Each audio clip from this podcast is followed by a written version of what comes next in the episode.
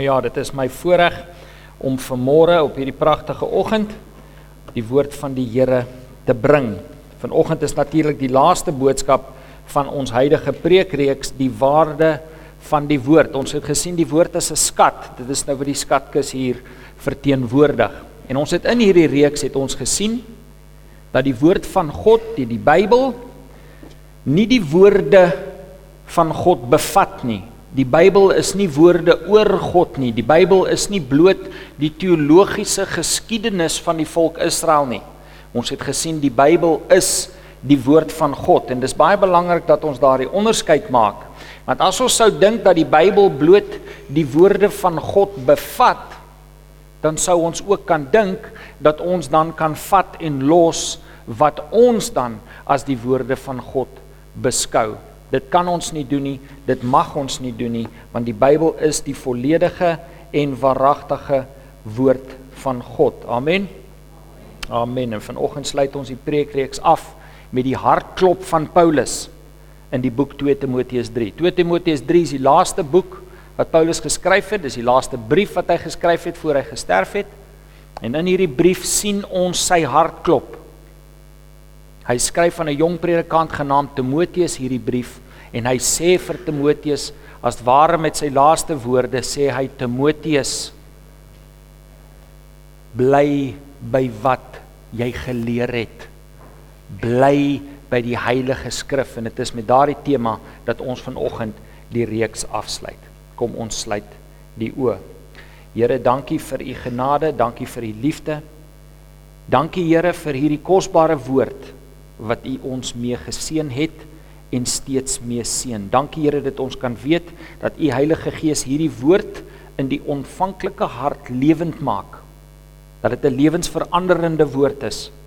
En ons vra vanoggend Here waar ons hierdie gewigtige saak afsluit hierdie reeks, vra ons dat U ons oë sal oopmaak, ons geestesoë Here, dat ons sal sien wat dit is wat U vir ons wil wys. Spreek Here, U kinders luister. Amen. Amen. Dis 'n gewigtige saak. Die kosbaarheid, die gesag, die wese en die waarde van die woord van God is 'n saak van gewig. Ons kan nie die die die belangrikheid daarvan kan ons nie oor beklemtoon nie. Blaai asseblief in jou Bybel saam met my na 2 Timoteus 3. 2 Timoteus 3.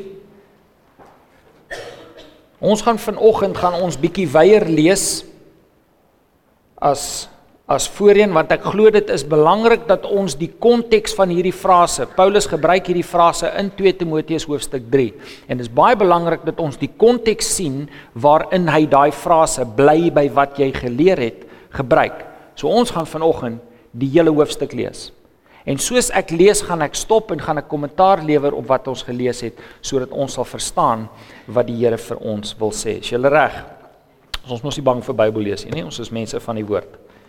2 Timoteus 3 van vers 1 af. Paulus skryf. Hy sê dit moet jy weet Timoteus, in die laaste dae sal daar swaar tye kom. Nou laat ek net daar vinnig stop. So, laaste dae is 'n frase wat dui op die tyd van die Messias. Dit het niks met die einde van die wêreld uit te waai nie, hoor? Die laaste dae was in Paulus se dae en die laaste dae is nou ook, want dit is vir die Jode die tyd waarin die Messias reeds gekom het. So dis die laaste dae. Dit moet jy weet, in die laaste dae sal daar swaar tye kom.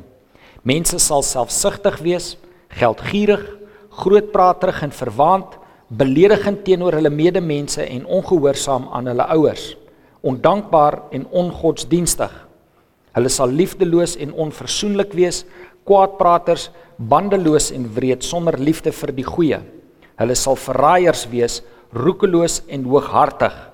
Hulle sal eerder liefde vir genot hê as liefde vir God. Nou hier lys Paulus 'n klompie goed wat ons kan sien is vrug van die vlees. Daar is dinge wat nie in 'n Christen se lewe hoort nie en tog verduidelik Paulus hier of sê hy dat hierdie dinge is wat ons kan verwag om te sien in 'n goddelose lewe of in 'n goddelose samelewing. Ons sien dit. Al hierdie is dinge wat nie vir ons vreemd is nie. Vers 5.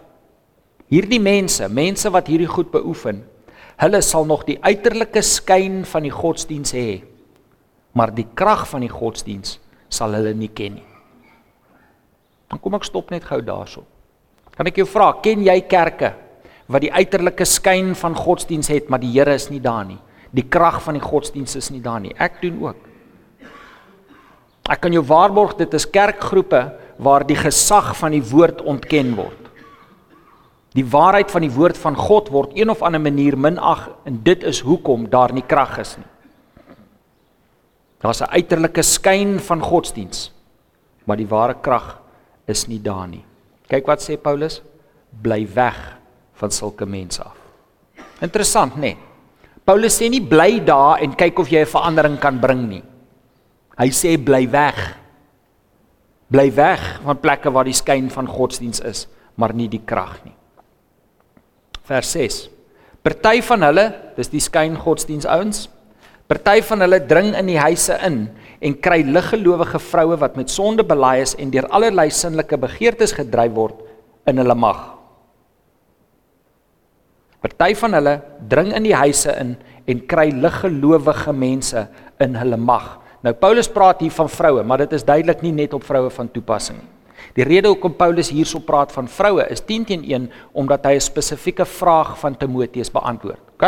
Timoteus het 10 teen 1 'n brief aan hom geskryf en gesê Paulus, ek het 'n probleem in my gemeente. Daar's hierdie vroue wat in 'n struik getrap het van hierdie ouens wat 'n uh, dwaallering verkondig. En Paulus skryf dan nou terug aan Timoteus en hy veralgemeen, maar dit is duidelik van toepassing op vroue en mans. Party van hulle, die skyngodsdiens ouens, dring in die huise in en kry liggelowige mense in hulle mag. Vers 7 vroue en mans wat altyd iets wil leer maar tog nooit tot die kennis van die waarheid kan kom nie. Hulle wil altyd iets leer maar tog nooit tot die kennis van die waarheid kan kom nie. Nou eerstens kan ons sê daardie mense het nie belang gestel om tot die kennis van die waarheid te kom nie. Hoe weet ons dit? Want die Here het gesê as jy soek sal jy vind. Iemand wat werklik op soek is na die waarheid sal die waarheid vind Maar hierdie mense kom nie by die waarheid uit nie. Hulle stel nie werklik belang in die waarheid nie. Waar stel hulle dan belang? Hulle wil altyd iets leer, maar hulle stel nie belang in die waarheid nie. Nou hierdie is baie belangrik. Die mense wat in hierdie struik getrap het, het hulle self teikens gemaak vir hierdie skyngodsdiens ouens. Omdat hulle altyd op soek is na nuwe goeders, maar hulle stel nie belang in die waarheid nie. Hulle wil net die nuwe ding hê, die nuwe sensasie die nuwe woord in aanhalingstekens, die nuwe golf van die gees wil hulle volg. Jy al sulke goed gehoor? Jy al sulke goed gesien? Ek onthou in die vroeë 90's was ek in 'n kerk gewees waar een van die frases wat jy die gereeldste gehoor het, was uit Jesaja 43: "Kyk sê die Here, ek doen 'n nuwe ding." En dan het hulle daai versie gebruik om enige nonsens te regverdig. Enigiets. Dit was nou die nuwe ding wat die Here doen. Ek onthou daai tyd was dit Toronto. Wie onthou Toronto, né? Nee? Die Toronto blessing het hulle dit genoem. Daar was 'n kerk in Toronto in Kanada by die lughawe en daar het die Here nou volgens hulle het die Here nou 'n nuwe ding gedoen. Hy het nou hierdie gees van gelaggery vrygelaat. So as jy nou wou, as jy nou bietjie depressed was, dan jy op 'n vliegtuig geklim Kanada toe gevlieg, want die Here is daar by die lughawe en dan jy daar by die kerk gegaan en dan jy nou ge vir 40 minute. Jy het jy nou 'n papie gelag teruggekom huis toe weer depressed. OK. Dit was nou die nuwe ding van die Here daai tyd. En toe die gelagry nou nie meer lekker is nie, die ouens het allerlei heupyne van gerondrol op die grond. Toe is dit uh goud in die hare. Onthou die goud in die hare. Ek onthou nog in die rapport, mense wat sê hoe goed die Here is. Hy het goud in hulle hare gesprinkel. En ek onthou ek het met 'n ou gepraat wat aan geglo het. Hy sê vir hom sal dit nie meer werd wees as die Here 100 rand in jou bankrekening laat verskyn nie. Wat maak jy met die goud in jou hare? Wie gaan dit by jou koop? Een ou wat gesê het hy het goud in sy tande gekry. Hy het vergeet hy was tandarts toe 3 maande voorheen, maar hy het goud in sy tande gekry. Hoekom? Want dit was nou die nuwe ding wat die Here toe nou doen. En ek spot nou, maar hoorie ons moet bietjie hierdie sien vir wat dit is. Dis mense wat op soek is na sensasie, na die nuwe ding. Die Here is al ewig besig volgens hulle met nuwe goed. Hulle is nou moeg vir die ou goed. Daar moet 'n nuwe ding wees, maar hulle stel nie werklik belang in die waarheid nie. En dis waarvan Paulus hier praat. En die hartseer is mense, dit gebeur nie net in Toronto nie, hoor. Dit gebeur hier. Daar so 'n paar jaar terug het daai dame ons kerk verlaat en ek het haar gaan sien by die huis om te hoor wat hoekom gaan sy? Wat wat is dit? Wat wat's fout? Toe sê sy meneer, sy's nou moeg vir al hierdie gepreekery oor die Bybel die hele tyd. Sy soek nou bietjie iets nuut. Toe sê ek vir weet jy jy maak jouself 'n teken vir dwaallering. Al ewig op soek na iets nuut, maar stel nie belang in die waarheid nie. Hierdie is mense, hoor mooi. Die mense wat hulle self teikens gemaak het vir hierdie dwaallering is mense wat op soek is na Christelike vermaak, nie geestelike voedsel nie. Ons moet baie baie duidelik wees oor wat die doel is met ons kerkhouery, met ons prekery, met ons evangelisasie, met ons uitreike, met ons jeugbediening, met alles wat ons doen.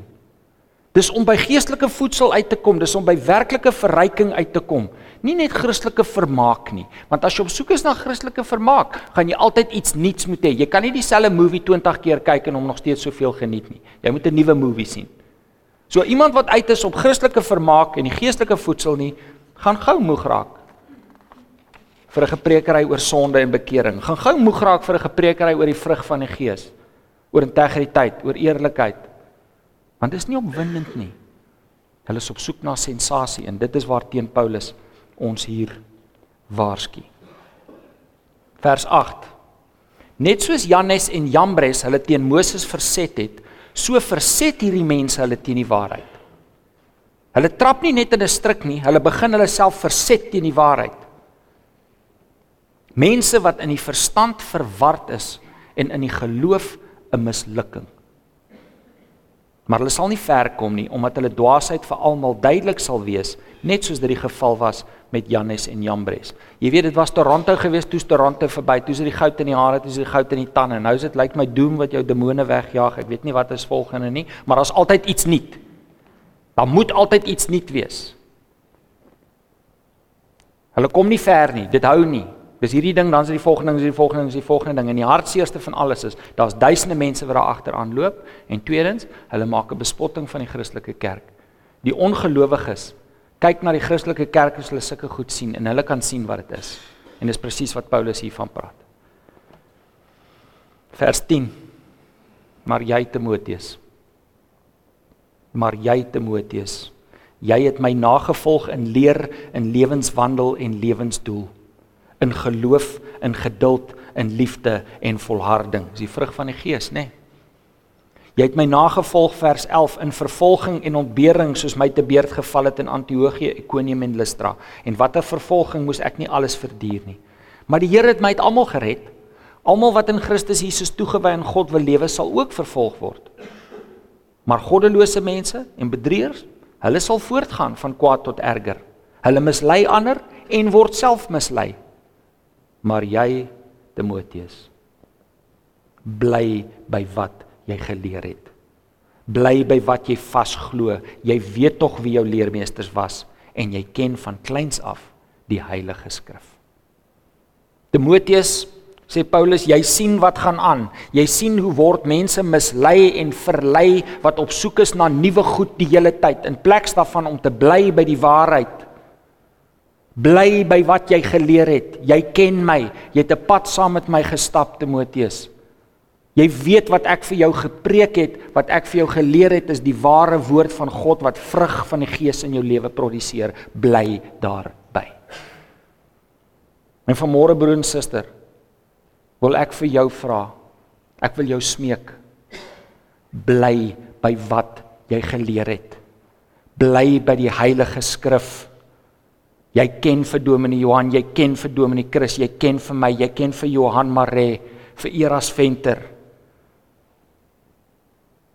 Jy weet wie jou leermeesters is en jy weet wat ons jou leer het. Bly by die heilige skrif. Dis 'n belangrike boodskap, nê? Nee. Weet julle hoeveel weet julle hoeveel getuienis sou die kerk kon uitdra as dit nie was vir al hierdie nonsens nie? Jy weet ek sit en kyk 'n rolprent nou die dag en ek het hom afgesit sodra hulle begin het, maar hulle begin toe half spot met die Christendom en dis hierdie dinge waarmee hulle spot. Hulle spot met die gelaggery en rondrollery en al die die gimmicks en gemors waarmee mense hulle self besig hou. Want selfs 'n ongeredde mens kan sien dis nie die waarheid nie. Hoe gaan ons dit doen? Hoe gaan ons bly by wat ons geleer het? Hoe gaan ons verseker dat ons bly by die Heilige Skrif. Op die raamwerke nommer 1. Nommer 1. Neem die woord in. Neem die woord in. Dominee Johan het dit laasweek gesê. Kan nie onthou presies hoe hy dit fraseer het nie, maar hy het dit laasweek gesê dit help nie die Bybel is net op jou bedkas nie, jy moet ook in jou hart wees, né? Wat my dink aan die tannie, die dominee kom doen huisbesoek by haar en ehm um, hy vra vir haar kan ek tannie se Bybel gebruik? Ek wil 'n stukkie vir ons lees. Nou het vir ons op kweekskool geleer as jy kan, as jy huisbesoek doen, gebruik daai persoon se Bybel. Want dan wys jy vir hom hoor jou Bybel is die woord van God, né? Nee? So hy vra vir die tannie, tannie kan ek tannie se Bybel leen? Ek wil net 'n stukkie lees. Ja, sê sy dominee, ek gaan haal hom gou. Joei, tannie is daar in die kamer in. Sy kom uit, hier sit die Bybel. Sy gee vir die dominee. Toe die dominee die Bybel so oopmaak, toe val hy so oop by haar leesbril. Haai, sê sy, ek soek al vir maande na daai bril sê. nou so moet dit nie wees met ons nie, hoor? Die Bybel moet nie net op ons bedkassie wees nie. Die Bybel moet ook in ons harte wees. Wie onthou die kermore advertensie? It's not inside, it's on top, né? Nee? Kyk, net die woord van God must be inside, not only on top. Ons moet die woord inneem. Klink eenvoudig, maar ons moet die woord lees. Hulle het in Amerika navorsing gedoen, die Barna Instituut in Amerika navorsing gedoen. Die gemiddelde Amerikaner wat gekerk is, maak sy Bybel 4 keer 'n jaar oop. 4 keer 'n jaar maak hy sy eie Bybel oop gemiddeld. Dis ook hoekom ons nie die Bybelverse op die borde sit nie. Want jy moet jou Bybel leer ken. Jy moet magtig wees in die woord. Jy moet bevoeg wees om die woord te hanteer. Ons moet die woord van God moet ons lees. In Markus 4 vertel Jesus die gelykenis van die saaier en hy sê in vers 14 die saaier saai die woord. Die saad wat die saaier saai is die woord op die raamwerke die saad van die woord van God die saad van die woord van God wat in ons harte gesaai word produseer die vrug van die gees in ons lewens. Die saad van die woord van God wat in ons harte gesaai word produseer die vrug van die gees in ons lewens. Ons het gesien waar Paulus vir Timoteus gesê het Timoteus jy het gesien wat ek jou geleer het en dit het die vrug van die gees in jou lewe produseer. Die saaier saai die woord. As die saad die woord van God is, wat is die vrug? Die vrug van die Gees. En weet julle broer en suster, daai vrug van die Gees is van uiterste uiterste belang in ons lewens. Want dis ons getuienis. Sonder die vrug van die Gees in jou lewe is daar nie getuienis nie. Dit is wanneer ons lewens die vrug dra dat mense gaan sien ons dien 'n lewende God. En dit is veral in swaar tye as dit moeilik gaan en ons lewens kan die vrug van die Gees dra dat mense gaan sien ons dien 'n lewende en kragtige God. Ons lewens moet vrug dra veral as dit swaar gaan. Wanneer alles om ons uitmekaar val, maar ons doen nie. Dit is die sterkste getuienis wat ons vir mense kan gee van die Here in ons lewens. Het jy ooit iemand gehoor sê 'n Bybel wat uitmekaar val behoort gewoonlik aan iemand wat nie doen nie? Het ooit gehoor? 'n Bybel wat uitmekaar val behoort gewoonlik aan iemand wat nie doen nie. Ek het ehm um, en die rede daarvoor, weet jy die rede daarvoor is omdat geestelike volwassenheid en standvastigheid in ons lewens kom van toewyding aan die woord van God. Kort jy standvastigheid in jou lewe? Kort jy emosionele standvastigheid in jou lewe? Kort jy geestelike volwassenheid? Voel jy daar's nog 'n pad vir jou om te stap om volwasse in die Here te word? Kry die woord van God in jou hart in. Saai die saad in jou hart. Dis waar volwassenheid en standvastigheid vandaan kom. Toe ek gestudeer het in Johannesburg jare terug was daar 'n predikant in ons gemeente wat se tienerdogter dood is in 'n karongeluk verskriklik, weet, ek kan my nie indink wat 'n verskriklike ding dit moet wees vir iemand om oor te kom nie. Sy tienerdogter is dood in 'n karongeluk en by haar begrafnis, hy het nie die begrafnis gelei nie, iemand anders het. Maar weet julle by haar begrafnis het hy gegaan van maat tot maat van haar, jy weet na haar vriende toe en hy het hulle getroos. Hierdie pa wat hierdie verskriklike ding oorkom in hierdie tyd van bedroefheid en pyn kon hy na haar maats toe gaan hy sy arms om hulle sit en hy die woord van God vir hulle gegee. Ons gaan haar weer sien, dis nie die einde nie. Sy was 'n kind van die Here. Ons het 'n ewige hoop. Toe die swaar tye kom, toe die moeilikheid kom, toe hang sy lewe klaar van die vrug van die Gees. Reg om gepluk te word. En ek sal daai getuienis, weet julle ek sal my lewe nooit vergeet, hoe daai man in sy tyd van pyn as hy sy mond oopmaak, is dit die woord van God wat uitkom. Nie bitterheid nie, nie verwyd nie, dis liefde en hoop. Hoe het hy dit reg gekry? Die woord van God. Hy was 'n man wat sy lewe lank die woord van God gesaai het in sy hart, gesaai het in sy hart. Dit was 'n man wat in die woord geleef het. Jy weet toe ons begin studeer het, het hy vir ons gesê ons eerste taak, ons eerste ons eerste assignment van ons eerste jaar, ons moes Romeine hoofstuk 8 moes ons memoriseer. En toe die studente so half, oh, "Jesus, watter taak is dit nou nie?" Toe sê hy, "Want ek kan hom van hoofstuk 1 af vir julle begin opsê." Hy die woord van God het hy gememoriseer, hoofstukke, amper boeke vol. En die dag toe die pyn kom, die dag toe die probleem kom, toe hy vas. Toe hy vas in die Here. As ons lewens lei broer en suster waar die woord van God sentraal staan, gaan ons in die dag van beproewing gaan ons nie mense wees wat rondhardloop en hoop soek nie.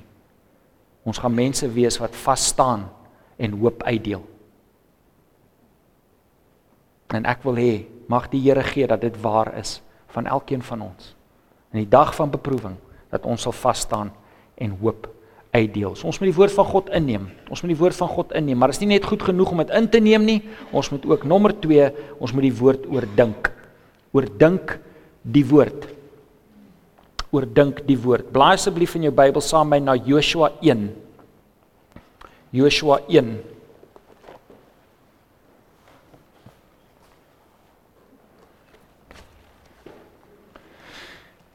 Moses is dood. Joshua neem oor as leier van Israel. En die Here gee vir Joshua hierdie volgende instruksie. Joshua 1 vers 7 en 8. Wees veral sterk Joshua en baie vasberade in die uitvoering van die wet wat my dienaar Moses jou beveel het. Moet daarvan nie links of regs afwyk nie. Bly by die skrif, sê die Here vir Moses, uh, vir Joshua, né? Nee? dan sal jy voorspoedig wees waar jy ook al gaan. Hierdie wetboek moet die rigsnoer wees vir alles wat jy sê. Oordink dit dag en nag en sorg dat jy alles uitvoer wat daarin geskryf staan, dan sal jy slaag in wat jy moet doen. Jy sal voorspoedig wees. Oordink die woord dag en nag, sê die Here vir Joshua. Nou psigoloog het 'n term wat ek ken net die term in Engels. Ek het hom gesoek in Afrikaans. Ek kon hom nie kry nie en ek het so gehoop om Karel is vanoggend hier dat hy my kan help.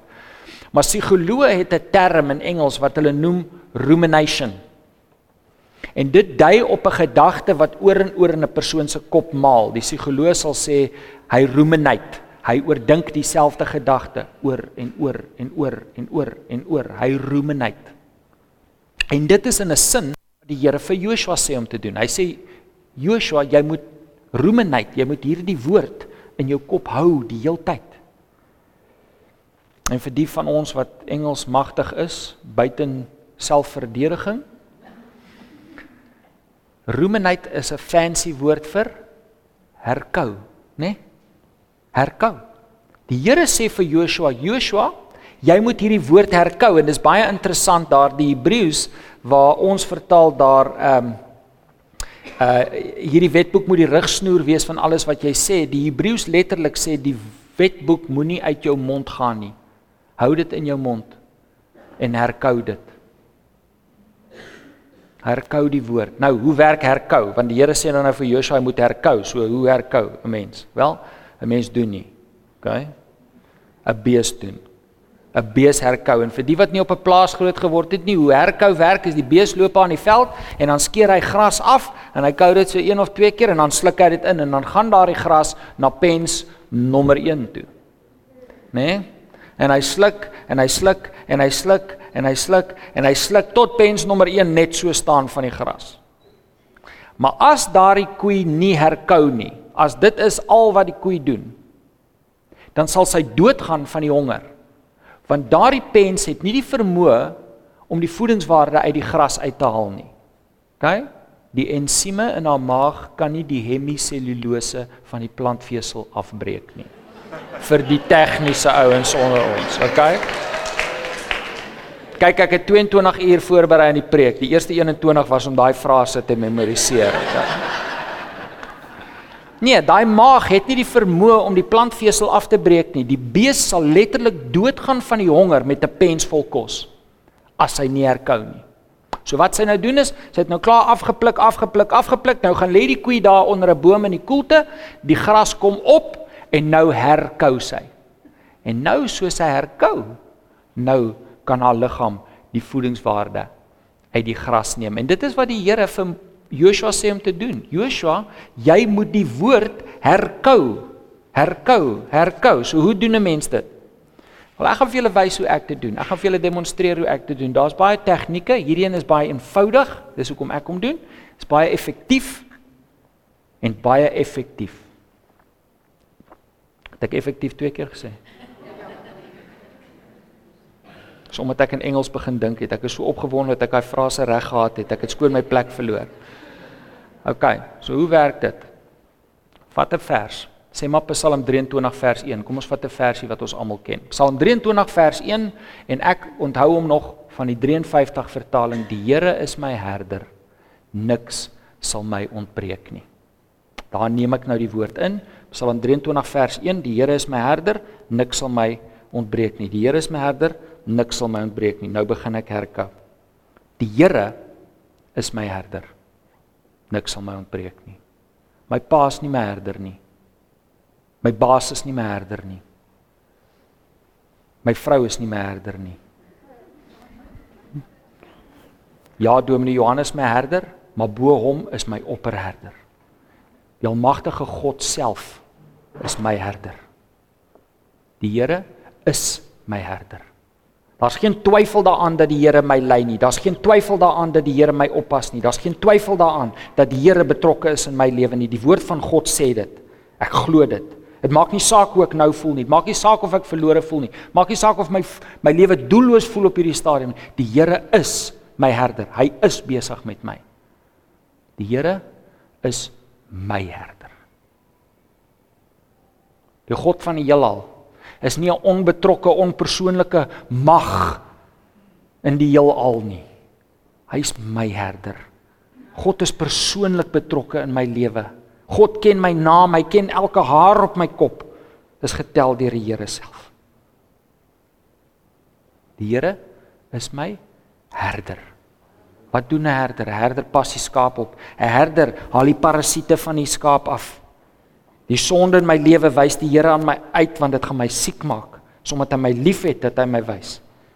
Herder lei die skaap na groen gras. Herder lei die skaap na skoon vars water.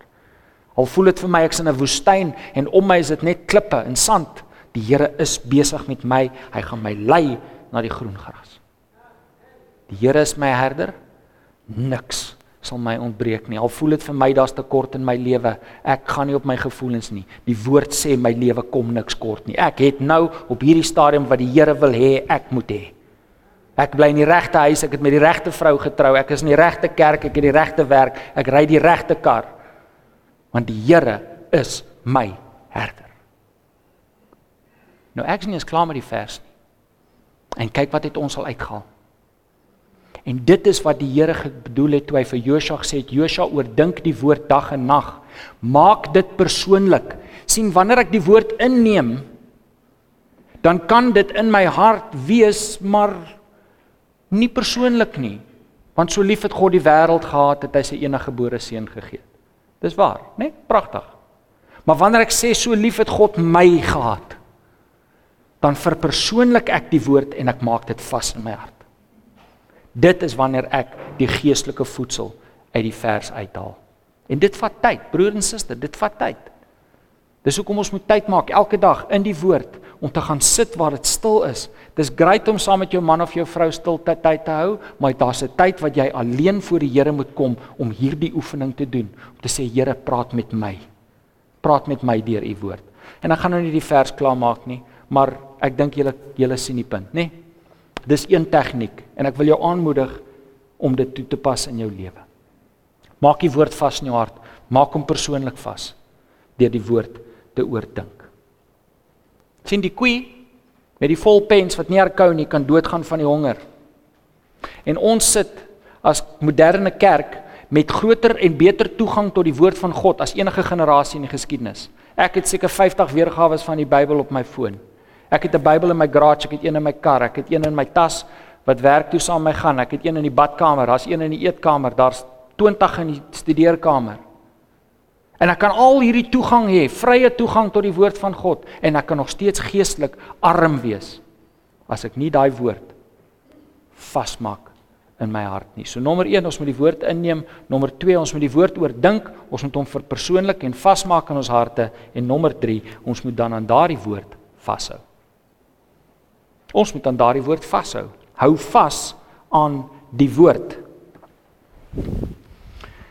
Toe ek voorberei, toe kom ek agter dat ek hierdie frase baie gebruik as ek met mense praat. Ek sal baie vir mense sê, hou vas aan die woord. En toe ek nou voorberei, toe moes ek weer gaan sit en ek moes myself afvra, wat beteken dit om vas te hou aan die woord? Klink mooi, jy weet, bemoedigende ding om vir mekaar te sê. Soos as iemand vir jou vra, kyk ons het mos 'n taal, die kerk het mos 'n taal, Christianese, né? Nee? Hoe gaan dit met jou geseend? Prys die Here. Né? Nee, ons het mos so 'n taal wat ons praat en hierdie hou vas aan die woord is miskien een van hulle. Hou vas aan die woord broer, hou vas aan die woord. Maar wat beteken dit werklik? Wel, In Matteus in Matteus 7 vers 24 sê die Here Jesus Elkeen dan wat die, hierdie woorde van my hoor, né? Daar's die inneem en vasmaak in die harte. Elkeen dan wat hierdie woorde van my inneem en vasmaak in sy hart en daarvolgens handel kan vergelyk word met 'n man wat sy huis op rots gebou het.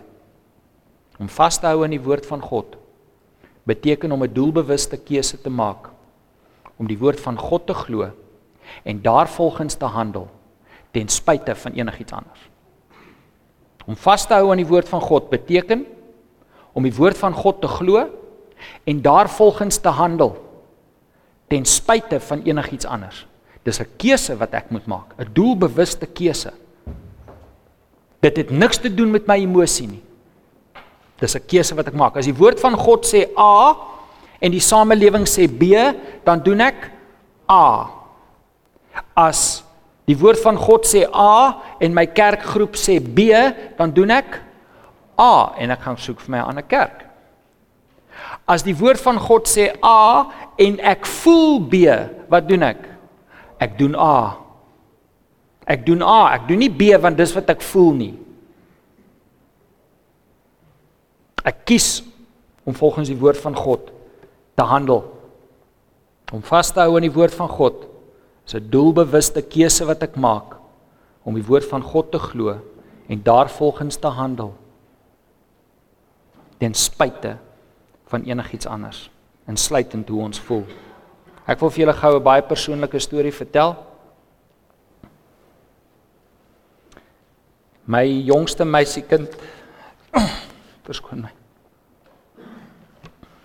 My jongste meisiekind Daniel was van kleins af 'n baie skrikkerige kind.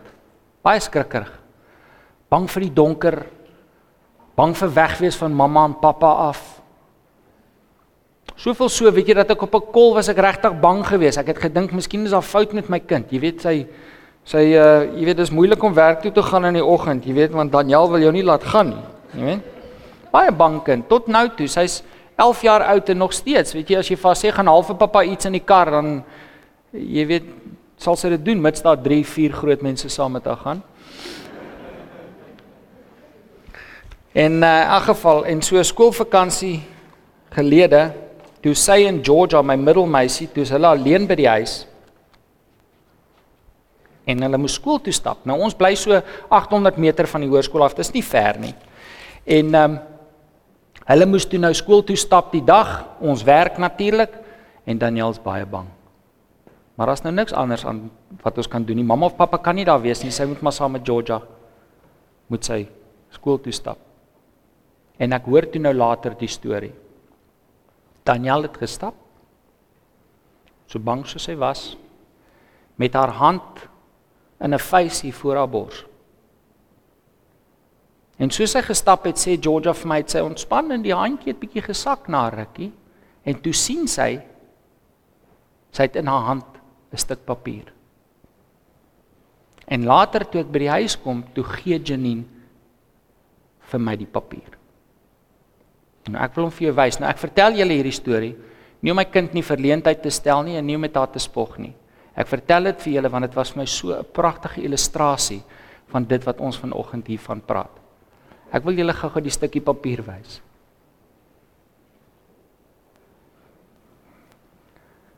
OK, daar staan Jesus is by jou skynstreep my. OK? En hier's hier's 'n stukkie papier. So wat gebeur het is sy was bang. Toe skryf sy neer die waarheid wat sy weet vanuit die Bybel. Jesus is by jou. In Josua hoofstuk 1 sê die Here herhaaldelik vir Josua, ek dink 4 of 5 keer sê hy vir Josua, Josua, ek is met jou. Ek is met jou. Wat was Jesus se laaste woorde voor sy hemelvaart? kyk ek is met julle tot die volëinding van die wêreld. Amen. Sy skryf toe neer Jesus is by jou. En toe sy daaroor dink, toe besef sy Jesus is by my. Toe verpersoonlik sy daardie woord. En toe vat sy daai stukkie papier en sy hou vas. En toe gaan doen sy dit waarvoor sy bang was want sy het geweet die woord van God is meer waar as haar vrees. Ek wil vir jou sê broer en suster, die woord van God is meer eg as jou vrees. Want jou vrees kan verdwyn en die woord van God kan nie. Die woord van God is meer eg as hierdie kansel voor my. Want in 'n 100 000 jaar is hierdie kansel weg, dan het die hout weggevrot en die woord van God sal onveranderd bly staan net soos hy nou is. Dis wanneer ons die woord van God inneem. Dis wanneer ons die woord van God in ons harte vasmaak deur dit te verpersoonlik en te oordink. En dis wanneer ons dan daardie woord vat en daaraan vashou ten spyte van wat ons sien, ten spyte van wat ons voel, ten spyte van alles wat om ons uitmekaar val. Dit is wanneer ons dit doen dat ons 'n getuienis aan die wêreld uitdra dat ons 'n God dien wat sterker is as enigiets anders kom ons word getel as manne en vroue van die woord. As manne en vroue wat vashou aan die woord van God ten spyte van emosie, ten spyte van politiek, ten spyte van finansies, ten spyte van enige probleme. Elke een wat hierdie woorde van die Here Jesus Christus hoor in sy hart vasmaak en daaraan vashou. Is 'n man en 'n vrou wat hul huis op rots bou. Bly by wat jy geleer het. Bly by die heilige skrif. Kom ons sluit die oë.